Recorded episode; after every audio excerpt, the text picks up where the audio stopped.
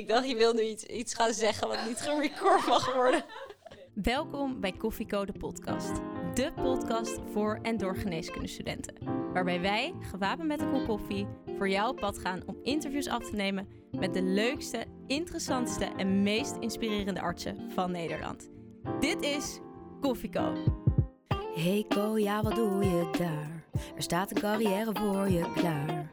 Maar je weet nog niet wat en waar. Een cappuccino maakt het minder zwaar. Dus zet je volumeknop omhoog. Want je luistert Koffieco en je weet het zo. Papa, papa, para, para. Welkom bij Koffiecode Podcast, de special. Wij zijn Doris, Tessa en Tiara. En in de specials behandelen wij vakoverstijgende onderwerpen binnen de geneeskunde. Vandaag hebben wij het over welzijn in de zorg met Mia Wessels, ANIOS op de spoedeisende hulp en oprichter van de Jonge Dokter. Nou, welkom Mia, leuk dat je er bent. Dankjewel. Je zit natuurlijk aan tafel met uh, de twee interviewers van Koffieco. En onze eerste vraag is dan ook altijd, hoe drink jij je koffie? Het voelt bijna een soort gewetensvraag. Ik probeer um, iets minder melk te drinken, maar ik vind melk in mijn koffie dus echt heel lekker. Dus het wisselt. Meestal drink ik het wel met melk en drink ik dan een cappuccino. Um, maar ook wel vaak met havermelk of met iets anders. Bijna nooit zwart. En hoe belangrijk is die koffie voor jou? Steeds minder belangrijk. Als je het hele antwoord wil weten, ik ben aan het verdiepen in uh, het effect van vrouwelijke hormonen op mijn welzijn. Um, en ik heb onderhand gezien dat die cyclus en de schommelingen van hormonen heel veel invloed hebben op hoe ik me voel.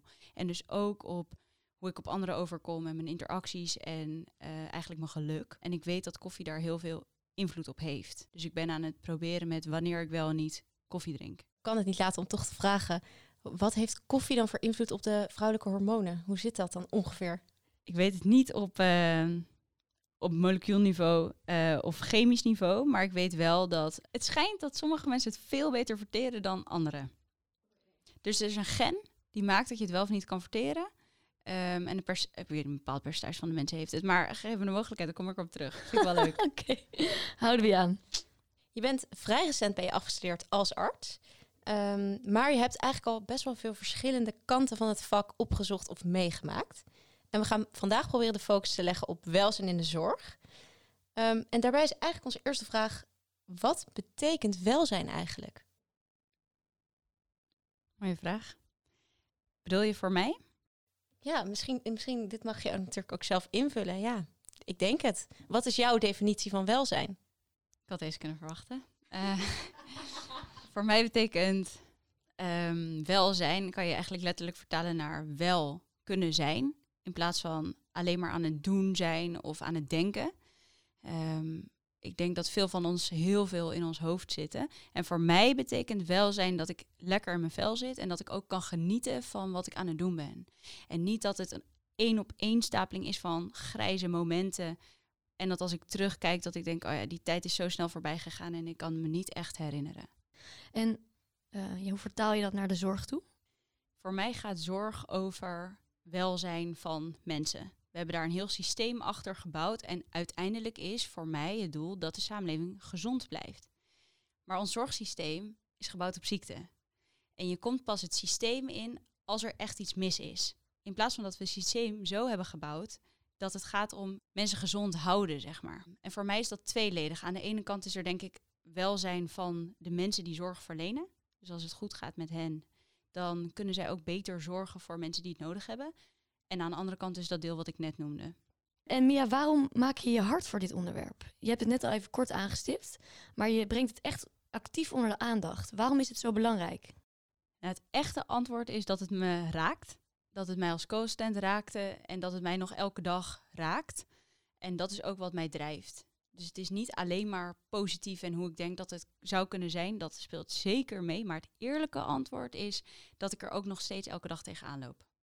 En dat begon dus eigenlijk, als ik het zo goed hoor, al in de co-schappen. Kun je ons eens meenemen in uh, Mia Wessels als co-assistent? Ja. Um, ik denk dat het dan leuk is om nog een stapje terug te gaan. Mijn oma was verpleegkundige en mijn opa en overgrootopa die waren flying doctors over nou, het zuidelijke deel van Afrika. Dus ik groeide op met verhalen over de zorg zoals dat toen was. En ik was heel klein toen ik wist dat ik dokter wilde worden. En had een idee van dokter zijn dat je dan in een team werkte. En dat je allemaal als hoogste doel had om voor iemand te zorgen. Uh, en dat het bijna een soort hardcore topsport zou zijn. Wat het volgens mij ook echt is. Maar toen ik kooschap ging lopen, bleek dat wel anders in elkaar te zitten dan ik dacht. Ik denk dat veel mensen dat hebben. En voor mij waren de kooschappen een manier om op de achtergrond te kunnen staan en een systeem van buiten te kunnen zien. Want je bent eh, eigenlijk de gast bijna. In de kamer voelt het soms. En ik denk dat dat heel bijzonder is aan kooschappen lopen. Maar het was voor mij ook heel ingewikkeld in sommige opzichten. Wat voor opzichten? Dat, er, dat, dat je niet altijd de mogelijkheid krijgt om ook als gast zijnde mee te doen. Dat je, wat, ik, wat wij, mij opvalt is dat veel co-assistenten zich willen aanpassen. Uh, er is een hele tweestrijd gaande tussen onzichtbaar willen blijven en gezien willen worden. En hopen dat iemand je ziet. En het kan heel eenzaam zijn. Eerlijk gezegd vrij herkenbaar. Ik noem het zelf altijd de chameleon. Ja, je verandert van kleur, je verandert mee met de mensen om je heen. Dat is best wel ingewikkeld. Helemaal als je jong bent. Heel erg herkenbaar, denk ik, voor veel co-assistenten ook. Hoe, hoe kunnen ze daarmee omgaan? Heb je daar, heb je daar advies over? Wat voor mij heel erg hielp, is om erachter te komen wie ik dan wel was. In plaats van alle varianten die ik niet ben. En om per kooschap of per onderdeel van de studie echt te kijken, oké, wat is hier mijn leerdoel? Wat wil ik leren? En wanneer is het voor mij geslaagd? Zodat je bezig bent met, de, met het onderdeel waar jij controle over hebt. Ik herken wat je noemt. Um, maar ik zou toch heel graag van jou nu als afgestuurd arts willen horen. Wat dan concreet bijvoorbeeld iets was wat je echt nog kan herinneren als vervelend of als niet welzijn hebt ervaren toen jij co-assistent was. Het is moeilijk om te denken aan een heel specifiek voorbeeld. Ik kan me wel echt momenten herinneren waarin er frictie ontstond tussen de arts en de patiënt. En de arts iets deed wat heel duidelijk echt zichtbaar vervelend was voor de patiënt. En ik niet in de positie was om iets te doen dat vond ik echt een van de naarste situaties.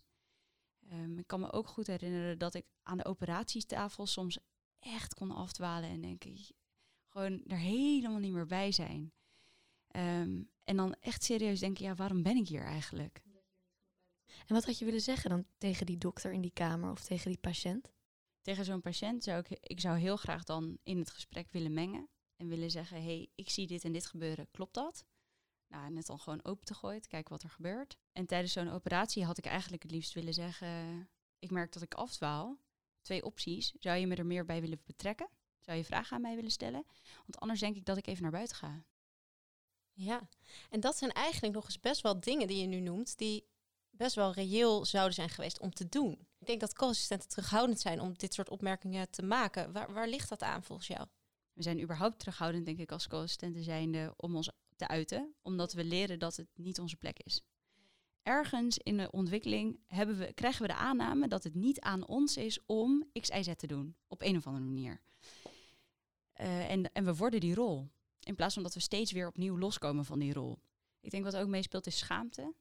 Het bijna al in kunnen voelen hoe schaamtevol het zou kunnen zijn als er de afwijzing komt dat het inderdaad niet jouw plek was om dat te zeggen.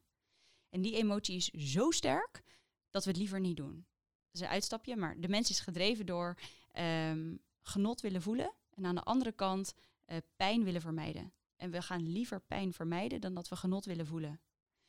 Dus als de potentiële schaamte zo groot is om je mond open te doen, doe je het echt liever niet. Die schaamte is dan eigenlijk tegenover de arts in dit geval. Dat de arts uh, jou een sneer geeft en jou terug op die co-assistentenkrukplek zet. Heb je die wel eens gehad? Ja, zeker. ja, meerdere malen. Totdat ik minder begon te geloven in de aanname dat, ik, dat het dus niet mijn plek is. Dus heb ik ook in mijn laatste kooschap bijvoorbeeld uh, de situatie gehad dat de arts aan mij vroeg... Uh, zo Mia, volgens mij dwaal jij een beetje af. Ik zo, ja dat klopt. Ik vind het echt behoorlijk saai. nee. En? Hoe, hoe werd daarop gereageerd? Goed. Ga, nou, ga dan maar koffie drinken. Daar moeten we naartoe. Daar moeten we inderdaad naartoe. Dan ben je dus wel een ouderejaars co-assistent, hè? En dan, dan heb je toch meer het gevoel van oké, ik, weet, ik weet inmiddels mijn, een beetje waar mijn plek is. Dan kom je op het punt dat je anios wordt. En dan ineens krijg je alle verantwoordelijkheden. Hoe was dat dan voor jou? het eerlijke antwoord is dat, ik, uh, dat het heel dubbel is. Uh, wat heel bijzonder is, vind ik, is om een kamer binnen te komen en te zeggen, om je echt voor te kunnen stellen en om echt uh, de plek in de ruimte wel te hebben. Want die voelde ik als co-assistent al niet. Ehm, en om echt interactie te hebben met mensen. Ik vind vooral nachtdiensten heel bijzonder, omdat dan echt de hele wereld op zijn kop staat. Ja, intern natuurlijk ook. Je, lichaam is een beetje in de war de eerste nacht, maar daarna gaat het wel bij mij in ieder geval. Eh, en dan in de stilte van het ziekenhuis echt interactie te kunnen hebben met mensen en ook daadwerkelijk die rol te hebben. Dat vind ik heel bijzonder. Dus het is je eigenlijk wel goed bevallen, de overschakeling van co-assistent naar arts. Ja, verandering van rol, heel erg goed. Maar het echt goed om kunnen gaan met de verantwoordelijkheden, hmm, soms ook wel echt ingewikkeld, vind ik. Hoe is dat dan? Waar het ingewikkeld is met de verantwoordelijkheden, is als je niet helemaal veilig voelt om vragen te stellen. Dus ehm, om een voorbeeld te noemen, ik, ik, ik zie iemand op de spoedeisende hulp. Ik heb daar een bepaald onderbuikgevoel bij, ehm, maar kan het niet helemaal plaatsen. En om dan een specialist mee te laten kijken en te zeggen, ik, in principe overleg ik iedereen hoor, maar om dan te zeggen van hé, hey, ik twijfel hier en hier over, zonder dat ik helder heb wat nou strak mijn verhaal is, dat is iets wat je moet oefenen. En daar ook komt schaamte kijken, want ik hoor dit toch te weten en misschien vindt hij mij dan niet geschikt. En wat als die dan naar mijn supervisor gaat en zegt, zo, die Mia die heeft het echt niet begrepen. Het is een afhankelijkheidsverhouding. Nog steeds, ja. En de aflevering die proberen we de focus nog steeds op, de, op het welzijn eh, te leggen. Eh, maar dit hangt er natuurlijk allemaal mee samen. Al dit soort aspecten, hoe je je voelt als ANIOS, hoe je je voelt als co-assistent, daar gaat het om. Maar om het welzijn weer even terug te pakken. Hoe zorg je er nou voor dat je als arts of als jonge dokter of als co-assistent je welzijn kunt verhogen? Wat zijn dingen die dat kunnen beïnvloeden? Ja, super mooie vraag, want ik denk dat dat echt heel belangrijk is. We kunnen eindeloos praten over het systeem en wat er allemaal anders kan, maar ik denk dat jouw vraag echt de kern is. En voor mij begint dat bij jezelf leren kennen. Je kan niet alle kleuren van een chameleon zijn. Er is één kleur die bij jou prominent is. En welke kleur is dat dan? Wat is voor jou belangrijk in het leven? Wat zijn je waarden? Wat gaat er boven wat? Dus als je moet kiezen, wat kies je dan? Dus je, er komen twee dingen op je af. Je kan kiezen om uh, je mond open te trekken of je kan kiezen om stil te blijven. Wat in de kern is voor jou belangrijker? En hoe kom je daarachter? Want dit gaat over jezelf leren kennen, ook op, op andere aspecten buiten het, het ziekenhuis eigenlijk. Uh, hoe, hoe, hoe doe je dit? Hoe kom je hierachter? Ik, ik denk dat er een groot deel is wat je zelf kan doen. Bij mij begon het met boeken lezen en bepaalde podcasts luisteren of um, films kijken zelfs. En uiteindelijk is het leuk om daar hulp bij te vragen en om bijvoorbeeld uh, gecoacht te worden. En uiteindelijk misschien wel therapie te krijgen als dat is waar je behoefte aan hebt. Is er genoeg aandacht voor nu? Nee, totaal niet. Ik denk dat coaching en persoonlijke ontwikkeling uh, een onderschoven kindje is. Terwijl eigenlijk als je kijkt naar de hele samenleving, zou iedereen het misschien wel kunnen gebruiken. En zijn artsen dan mensen die het nog extra kunnen gebruiken, denk jij? Ja, nee. Ik denk dat, ja, je zou kunnen zeggen van wel. Um, want artsen zijn uiteindelijk de mensen die andere mensen treffen op hun meest kwetsbare moment. Dus als je dan één ding zou moeten kunnen, dan is het, dan is het om ruimte te bieden voor whatever die persoon meeneemt de kamer in. Ik denk dat als jij helemaal oké okay bent met jezelf, ben je dus op dat moment, heb je denk ik de mogelijkheid om echt de ander te zien voor wie hij of zij is. Zolang jij in je hoofd blijft en bezig bent met wat moet ik vragen, wat moet ik niet vergeten, hoe kan ik een fout voorkomen, ik zeg maar wat, dan ben je dus niet met die ander bezig en wat die ander nodig heeft. En dan, volgens mij is daar dus een risico voor overbehandeling, iets in willen dekken, uh, maar ook gewoon net niet lekker horen wat iemand zijn hulpvraag is en misschien die helemaal onbeantwoord laten. Dus ja, ik denk dat artsen bij uitstek een groep is die coaching kan gebruiken. Heb je zelf wel eens coaching gehad? Genoeg, ja. ja. Hoe beviel dat? Of hoe bevalt dat?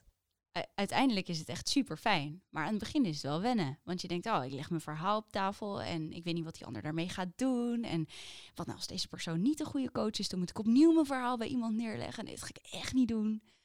Maar op een gegeven moment leerde ik dat het maar een verhaal is. Het, het is wat ik van iets vind, maar niet wie ik ben. Is oké. Ik kan het nog een keer vertellen. Dus eigenlijk, als we het hebben over uh, welzijn, dan heb je nu één ding gezegd. Het is belangrijk dat je je laat coachen, dat je jezelf goed leert kennen. Wat zijn andere aspecten waardoor je je welzijn kunt verbeteren als jonge dokter? Door je te realiseren dat je deel bent van een groter geheel. Dus uit je hoofd komen en druk zijn met wat jij allemaal moet doen en wat anderen van je vinden. En kijken naar de andere mensen in de ruimte en je realiseren, hé, hey, hier zijn meer mensen die allemaal om een reden hier zijn. Oké, okay. kijken naar het grotere geheel, dat is eigenlijk puntje twee. Ja. Zijn er nog simpele tips om je welzijn te verbeteren? Of is dat meer symptoombestrijding? Nee, zeker niet. Ik denk dat juist hele kleine gewoontes heel erg goed kunnen helpen on the long run. Want als je iets elke dag doet, ja, dan haal, je heel duidelijk die, uh, ja, die 10.000 uur, zeg maar. Dus ik, wat bijvoorbeeld mij heel erg helpt, is aan het begin van de dag voordat ik iets anders doe, uh, om erbij stil te staan dat ik opnieuw een dag leef. Klinkt misschien zweverig, maar het is eigenlijk heel concreet, namelijk dat je even beseft, hé, hey, er is nog een dag. En dat je, nou de app Headspace is echt fantastisch, want het is echt in een paar minuten heb je een kleine meditatie. Ook als mediteren helemaal niet per se je ding is, kan die je helpen om weer even rustig te worden. En hoe je eet is ook heel belangrijk en onderschat. Dat zijn dus al die kleine dingen kunnen te maken hebben met hoe mensen in de zorg uh, zich voelen. En dat is volgens jou zo belangrijk. En dat komt voort uit de relatie die ze hebben met zichzelf. Kan jij met jezelf in een ruimte zijn en oké zijn? Kan jij jezelf iets gunnen? Of trek je die mooie kleren aan omdat je hoopt dat iemand anders het ziet? Ja. Wat ik me nog afvroeg is, je hoort toch wel vaak dat artsen die uh, beginnen, of in ieder geval nog niet gevestigd zijn, nog niet lang werken, dat die het vaak moeilijk vinden om uh, de balans tussen werk en privé goed te bewaren. Dat lijkt me ook heel veel invloed hebben op hun welzijn. Hoor je dat vaker? Ja, zeker. En zeker bij de jonge dokter ook. Ja, een deel is wel contract teken je. Veel jonge artsen tekenen een contract voor 46 of 36 uur, waar dan 10 uur zogenaamde onderwijsuren zit, uren in zitten. En daar werken ze structureel over. Dus ze weten eigenlijk op het moment dat ze tekenen, ik ga veel meer werken. Nou, dat is al punt 1 waarvan ik denk, oké, dan, weet dan weet je dus dat het contract wat je tekent niet klopt. En ga je akkoord met iets wat niet klopt. Um, nou ja, als jij daar oké mee bent, is dat prima. Uh, maar dat is al de eerste stap, denk ik. Uh, en vervolgens um, is er, zijn er een paar maanden waar, waar ze zeggen, ja, dan ga je kopie onder. En toen ik assistent was, dacht ik altijd, ja, flikker op, dat gaat echt niet gebeuren. En uh, nou, ik snap wel wat mensen bedoelen. Ook al werk ik uh, 32 uur per week, is er wel een periode waarin je gewoon moet wennen aan het feit dat jouw naam onder de brief staat. En uh, dat, dat als er problemen zijn, dat het misschien door jou kan komen. Of dat als jij iets voorschrijft of niet voorschrijft, dat dat direct effect heeft op de ander. Nou, dat is een psychologisch iets waar ik in ieder geval aan moest wennen. En dat maakte de eerste maanden wel wat zwaarder, denk ik. En wat uren betreft, ja, dat is een lastige. Ik denk dat dat een systeem iets is wat we hebben gecreëerd met z'n allen. Dat er dus een normaal is van fulltime werken en dat dat 50, 60 uur is. Dat is niet in elke sector zo en volgens mij hoeft het ook niet zo te zijn. Er zijn ANIOS-plekken waar dat niet zo is. Dus daar kun je ook voor zoeken. Maar dan kom je dus weer terug op die waarde aan het einde van de dag. Wat is voor jou belangrijker? Is het belangrijker om in opleiding te komen? Of is het belangrijker dat je het komende jaar gelukkig bent?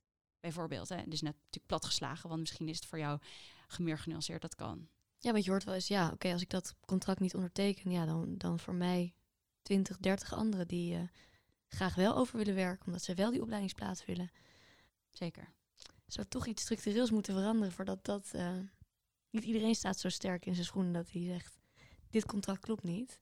Het gaan we veranderen. Heb jij dat wel gedaan, Mia? Uh, ja, ik heb bewust een plek gekozen waar ik dus uh, ehm, 32 uur per week kon werken. Uh, en meer autonomie had in hoe ik dat wilde indelen.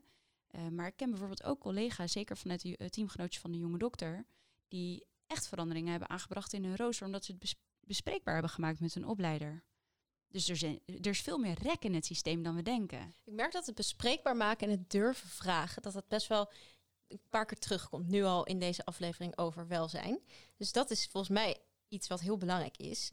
Maar om dat te durven, is het volgens mij heel belangrijk om je veilig te voelen in uh, het klimaat, het werkklimaat waar je je in bevindt. En volgens mij heb jij daar ook wel een aantal dingen over geschreven of over gezegd, over een onveilig werkklimaat, hoe schadelijk dat kan zijn voor de zorg. Wil je daar eens wat meer over toelichten? Ja, dan is het leuk om te zeggen wat een veilig werkklimaat is. Wat voor mij een veilig werkklimaat is, is wanneer je je veilig genoeg voelt om je uit te spreken. Uh, of dat nou twijfel is of een stelling innemen, zonder dat je je zorgen maakt dat iemand je af gaat vallen. Wanneer het onveilig wordt, en dat kan super subtiel zijn, is wanneer je dat niet meer zeker weet. En dus niet meer eerlijk bent over twijfels en niet meer stelling inneemt voor de dingen die je belangrijk vindt. Wat, hoe zou je dat subtiel... Uh, ik vraag me even af wanneer ik zelf in een onveilig werkklimaat ben geweest. Wat zijn subtiele hints waaraan je dat merkt bij jezelf? Mag ik vragen bij de ander? Ja. Wanneer was dat dan? Ja, dat probeer ik nu een beetje na te gaan. Maar ehm, nou, ik heb wel. Ja, ik heb wel eens vaker gehad dat ik in een overdracht zat met allemaal artsen om me heen. Dat ik net een paar maanden in mijn co-assistentschap zat, zeg maar. En dat ik dacht, nou, ik ga nu echt geen vraag stellen, want eh, straks kom ik dom over. Ja. Zeg maar wat. Heel herkenbaar. En die subtiele hints waar we het dan nu over hebben, dat je, dat je toch een tikkeltje onveilig voelt. Of dat je dus eigenlijk aan jezelf merkt, ik durf iets niet. Dat is een onveilig werkklimaat In mijn optiek. Ja. in jouw optiek. Ik voel het eh, op het moment dat ik me heel klein en onzeker voel. En dat ik merk dat ik, als ik dan aan het praten ben, dat ik mijn woorden heel erg afweeg. Snap je wat ik bedoel? Dat, je, dat ik merk, oh, er zit echt pauzes tussen mijn woorden. Dat het er dus niet automatisch uitkomt. Of ik merk dat ik een hardere, hogere hartslag heb. En ik merk ook dat ik dan gedachten heb als wat zou die persoon denken? Wat zou die persoon van mij vinden? Is dit wel goed? Is dit wel goed? Dan merk ik ook, ik voel me niet, niet fijn. En dat is, ja, Heb je dat nog steeds als anios? ja, zeker weten. Ja, dat gaat echt niet opeens weg. Want het is toch ook iets in jezelf. Het is iets systemisch en het is iets in jezelf, denk ik. En dat onveilige werkklimaat, dat, dat, houdt dus, of dat maakt dat jonge dokters, co-assistenten, maar misschien zelfs dus ook artsen, jij als Anios zelf ook, zich niet durven uit te spreken over wat ze echt vinden, denken of, of voelen. Wat voor invloed heeft dat op, de, op ons he- gehele zorgsysteem? Ja, dat is een superleuke vraag. Moet je je voorstellen als iedereen dat wel zou doen, hè? hoe het er dan uit zou zien. Man, man, ik denk dat mensen zich zoveel gemakkelijker zouden voelen. Eh, ook bijvoorbeeld mensen binnen hun vakgroep of co-assistenten onderling. Eh, onder, kijk, onder jonge artsen over het algemeen is de sfeer naar mijn beleving goed. eh, omdat we samen ook ergens een beetje uitgeleverd zijn. En precies dat teamgevoel dat zou ik eigenlijk willen extrapoleren naar de rest van de zorg. Dat we echt dat voelen dat we een team zijn. En niet Waarom alleen zeggen. is dat nu nog niet zo? Het zijn toch allemaal best wel leuke mensen vaak, artsen? Waarom is dat niet zo? Ja, ja ik, ik denk dat het ermee te maken heeft dat die onveiligheid, ehm, of on- bepaalde onzekerheid is het eigenlijk, die daaruit voortkomt, niet alleen van co-assistenten is. Dit is, kijk, als co-assistent wordt je soort van opgevoed in een systeem. Het is, het is meer dan een opleiding, vind ik. Het is bijna een socia- sociale opvoeding. En daarna groei je door in dat systeem. En we, pakken, we leren superveel. We leren medisch inhoudelijk, we leren handelen, we- we leren doorpakken, projectmanagement, you name it. Maar dit leren we volgens mij niet echt. Het staat in ieder geval helemaal niet op de voorgrond. Dus we hebben een systeem waarin iedereen die daarin werkt zich min of meer zo voelt. Zo is opgevoed. Ja, dat ook. Ja. Dit suggereert dat er echt een structurele verandering moet plaatsvinden als alle artsen volgens jou eigenlijk oh, ja, ten dele verkeerd zijn opgevoed. Eh, wat kan er concreet gebeuren in de ziekenhuizen of wat zou jij het liefst voor je zien om dit systeem een beetje wakker te schudden? Ja, het is wel grappig dat je het zegt. Want nu dat jij zegt van ja, jij doet een uitspraak, dus een stelling. Ja, En meteen heb ik de behoefte om het te verdedigen of te nuanceren. Dan denk ik, ja, maar straks denkt iemand dat ik zeg dat het hele zorgsysteem ruk is.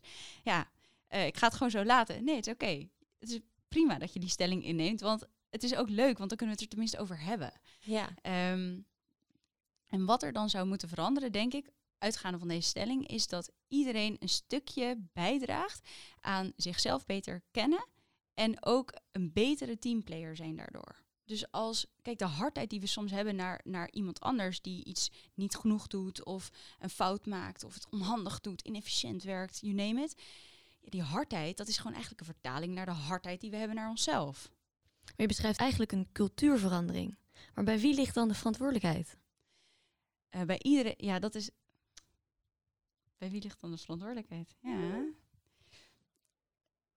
Ik, ik vond zelf dat de verantwoordelijkheid bij mezelf lag. Want dat was het enige waar ik controle over had. Ik kan het niet bij iemand anders leggen. Ik zou het wel heel graag willen, maar dat kan niet. Bij wie zou je het willen leggen? Ik zou het graag willen leggen bij de leiders.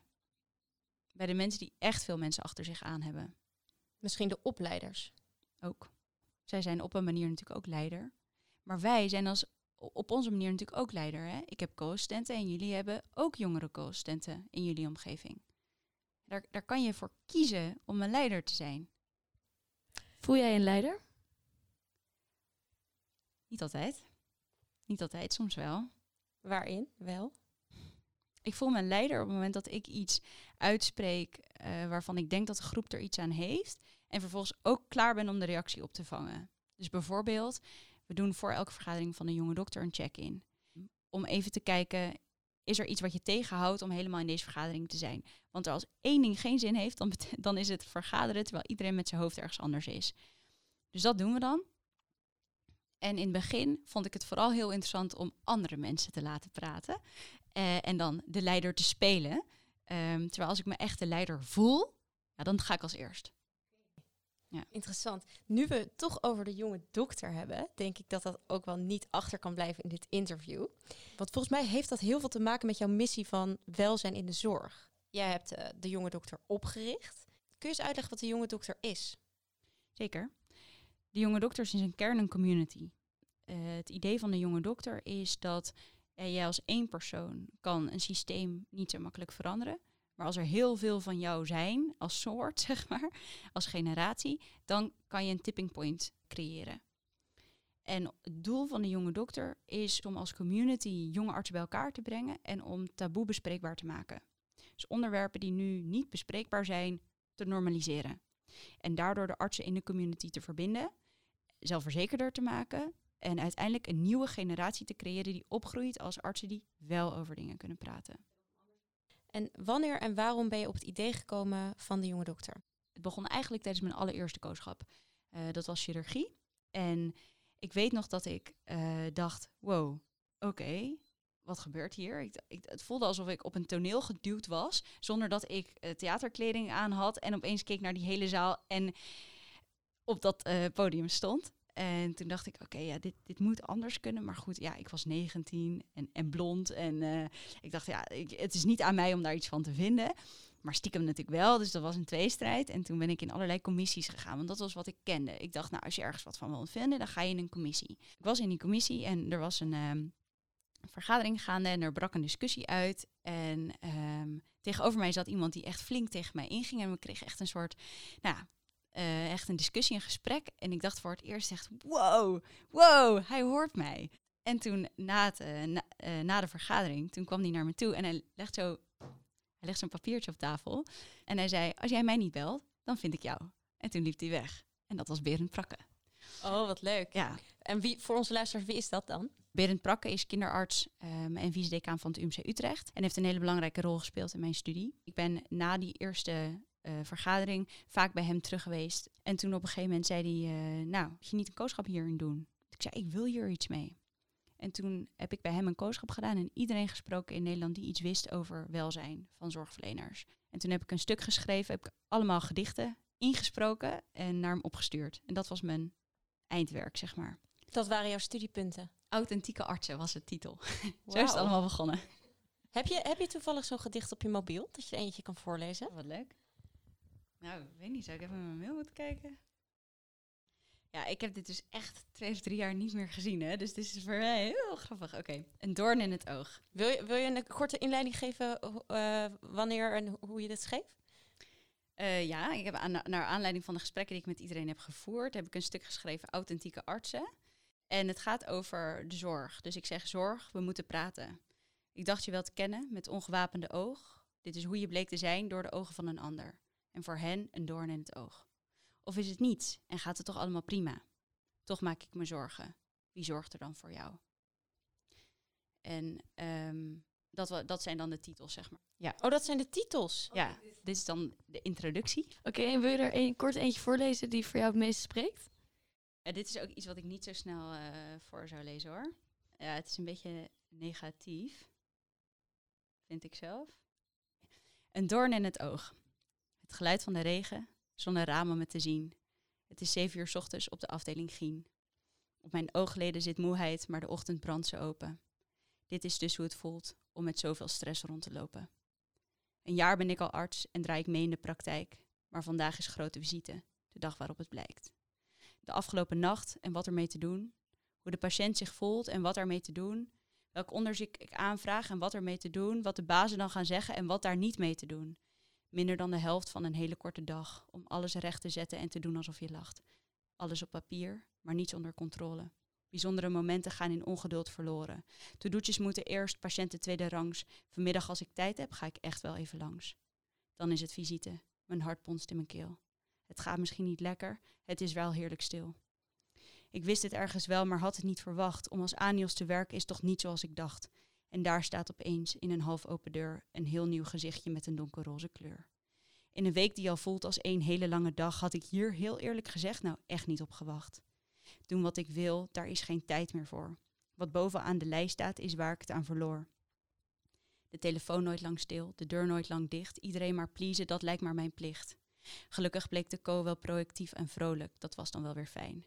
Maar denken met haar mond dicht, dat bleek moeilijker te zijn. Al die honderd vragen, heel vaak irrelevant. Een nare combinatie van lui en bij de hand. Uh, Nina, ja? Ik heb hier voor mijn studie dus één of twee uh, papieren. En uh, god, daar gaan we weer, die stomme kutformulieren. Is goed, kom maar door, die teken ik wel even. Ja, sorry, ik heb niet echt een keuze, het wordt gewoon een zeven. Het gaat best redelijk, veel oefenen nog even. Wanneer ik alweer thuis ben, bedenk ik het pas. Vandaag was het precies zoals het voor mij ook altijd was. Ze was gewoon onzeker. Logisch dat ze loog. Ik wilde geen kant op, een doorn in het oog. We doen alsof het kan, maar het is verre van gewoon. Er wordt onbewust en onterecht beoordeeld op persoon. Hoe het anders moet? Ja, dat zou ik niet weten. Onder deze druk kun je goede begeleiding nou echt wel vergeten. Dus, dit is het dus, dat hele dokter zijn. Op een verjaardag klinkt het gaaf, maar elke dag voel ik me klein.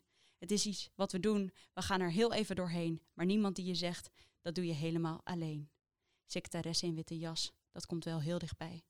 En als je het aan mij vraagt, maakt dat echt niemand blij. Holy shit. Ja, dus Ik weet niet of ik dat mag zeggen in mijn podcast, maar holy shit.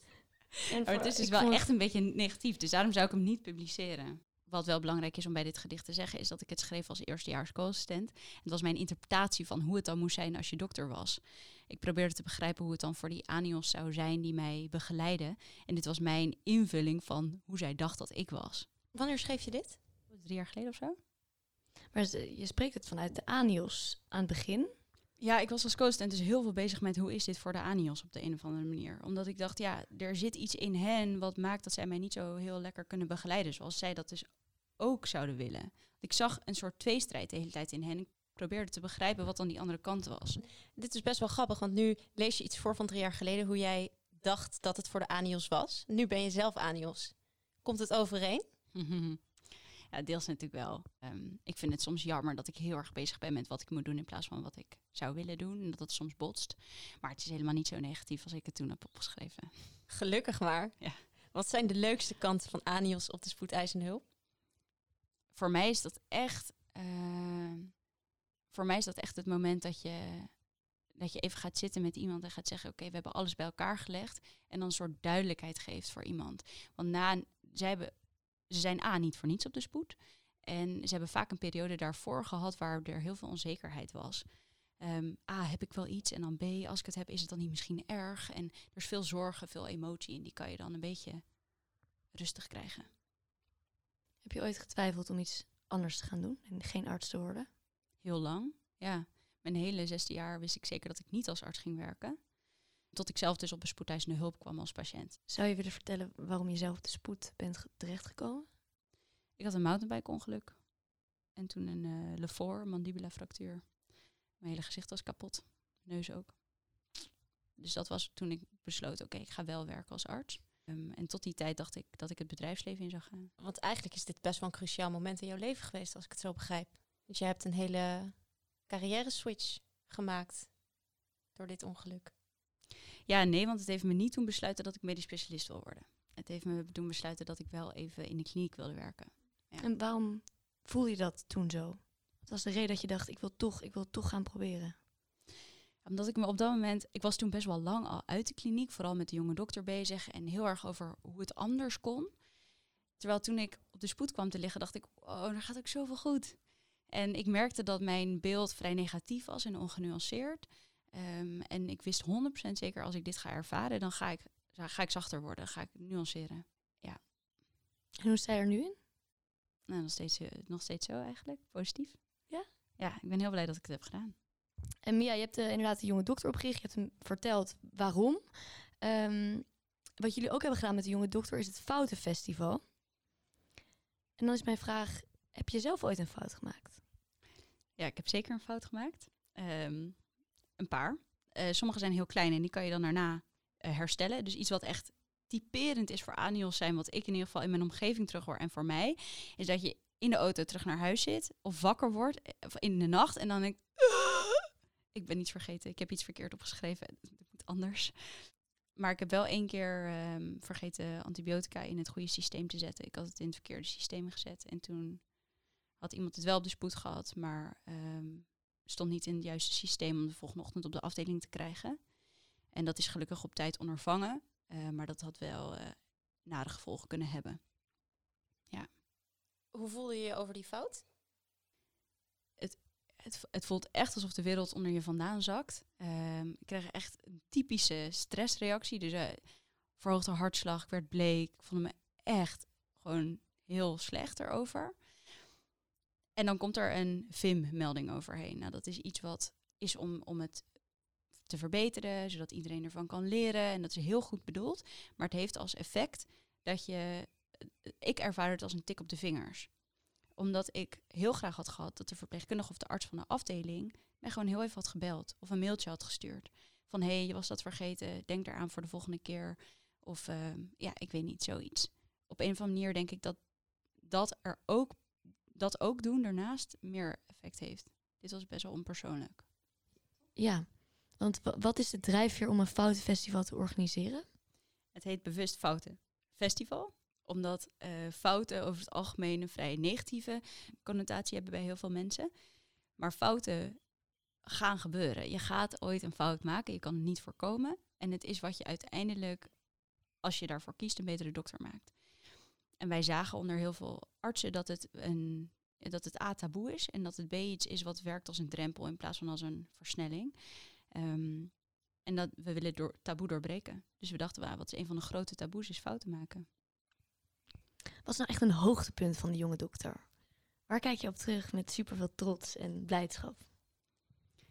Wat voor mij als persoon heel veel trots biedt, is na een evenement, als het team wat het evenement georganiseerd heeft en de rest van het team die hen ondersteund heeft, echt super trots daar staat en denkt, yes, dit hebben, we, gefixt. Want ook voor, voor iedereen in mijn team om een evenement te organiseren is ook een best wel een psychologisch procesje. Je moet mensen bellen of ze, je moet dingen regelen, je moet uit je, uit je comfortzone komen. En dat is uiteindelijk waar ik het voor doe. Voor mijn, mijn team. Wat, wat, wat hebben wij uh, concreet aan een foutenfestival? Wat hebben dokters daaraan? Wat, wat heb je gemerkt na bijvoorbeeld de eerste editie? Iedereen die er is geweest, die heeft dan een keer over een fout gepraat. Uh, je hebt blootstelling aan het verhaal van iemand anders. Dus het, het, het relativeert, het normaliseert, het verbindt. Um, en het idee is dus dat als je naar dat festival bent geweest, dat je daarna minder moeite hebt om er zelf over te praten. En ook een soort in, ja, in context hebt gezien wat fouten dus zijn. Een manier om te leren. En iets wat je niet kan voorkomen, maar wat wel vervelend is als het gebeurt. Uiteindelijk is het, is het allemaal welzijn verbeterend om dit soort dingen bespreekbaar te maken. Ja, zeker. Mia, we hebben je nu heel veel gevraagd. Wat hebben we nou nog niet gevraagd? Nou, dat is eigenlijk een leuke vraag om terug te stellen. Wat heb je niet gevraagd wat je stiekem wel zou willen vragen? Tja, dat... dat uh... Shit. Ja, daar hebben we natuurlijk geen antwoord op. Je mag niet nog eentje terugkrijgen. Wat weten we nog niet over Mia Wessels? Ja, ik heb geen idee. Nou, we hebben eigenlijk best wel veel gevraagd. Ja. Mia, we hebben in het interview hebben we probleem geschetst. We hebben het helemaal geanalyseerd en we hebben zelfs heb je wat oplossingen geboden om de jonge dokter een hart onder de riem te steken en goed voor zichzelf te zorgen. Um, we willen eigenlijk ook nog wel wat meer over jou weten en dat doen we uh, met onze rubriek, namelijk wat als. En in wat als stellen wij diepgaande vragen om onze gast nog wat beter te leren kennen. De eerste vraag uh, door, ga jij hem doen? Ja, vraag 1, uh, Mia. Wat als je nu moest stoppen met je Aniosbaan? Als ik nu zou moeten stoppen met mijn Aniosbaan, dan zou ik denk ik mijn moederschool franchisen. En mijn moeder heeft een basisschool, een tweetalige Montessori basisschool. En ik vind dat zo fantastisch. Ik vind dat het ook op andere plekken moet komen. Zij gaat het niet doen, dus dan ga ik het doen. Wauw, dus uh, er schuilt echt een ondernemer in jou, Mia. Ja, ergens denk ik het wel. Oké, okay, Mia, de tweede. Wat als je één superpower mocht kiezen? de superpower die ik zou kiezen is denk ik om van elk moment te kunnen genieten. Ik denk echt dat dat een superpower is. Want als je dan hebt geleefd, ja, dan kan je echt... Ja, dan heb je echt geleefd. Yes, nou. Toch weer het welzijn, hè? superpower. Dat is eigenlijk de superpower die wij hopen met dit interview een beetje aan iedereen mee te kunnen geven. Dat iedereen zich wat beter gaat voelen op zijn plek. Het cirkeltje is rond. En dan eindigen we eigenlijk meer altijd met de laatste tip voor de co-assistent, de jonge dokter. Je hebt er al heel veel gegeven. Heb je nog een laatste mooie tip? De tip die ik zou geven is denk ik, ga één keer per dag in de spiegel staan en zeg tegen jezelf wat je tegen je beste vriendinnen zegt. Je ziet er echt goed uit. Of leuk wat je aan hebt. Of succes zo hè, voor je gesprek. Als je dat elke dag één keer doet, ja, dan bouw je wel een band op. Weet je zelf. Weet je zelf. Ja. Doe jij dit iedere dag? ja? Ja. Oké. Nou. Mia, eh, we zijn bij het einde gekomen van deze ontzettend speciale aflevering. Dankjewel dat je hier wilde zijn. Heel erg leuk en eh, leerzaam. Ik denk een bijzondere aflevering eh, die heel anders is dan de, de rest van ons stramien. Dus dank daarvoor. Wat vond je er zelf van? Nee, dank jullie. Ik vond het heel bijzonder om hier te zijn. Dankjewel. Ik vond het ook heel leerzaam. Nou, beste luisteraars, jullie ook bedankt voor het luisteren. Eh, blijf ons volgen op alle social media kanalen die we hebben. Eh, volg ook de jonge dokter, want zij eh, nou, gaan een grote rol spelen in jullie leven als je Anios bent. En tot de volgende keer bij Koffiecode Podcast.